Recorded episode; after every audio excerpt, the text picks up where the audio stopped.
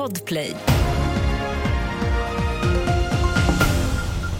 Först i nyheterna att FN-chefer på högsta nivå varnar för allvarliga konsekvenser om länder stoppar utbetalningarna till UNRWA, FNs hjälporganisation för palestinska flyktingar.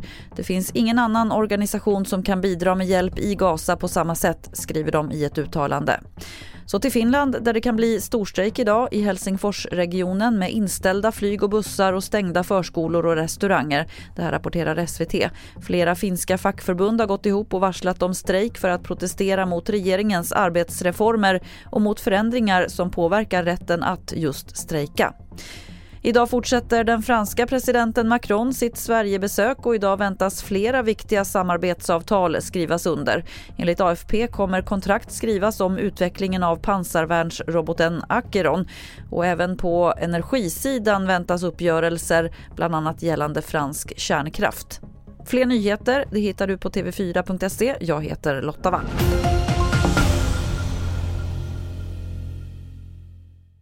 you poddtips från Podplay. I podden Något Kaiko garanterar östgötarna Brutti och jag, Davva, dig en stor dos skratt.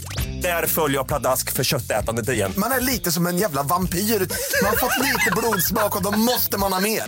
Udda spaningar, fängslande anekdoter och en och annan arg rant.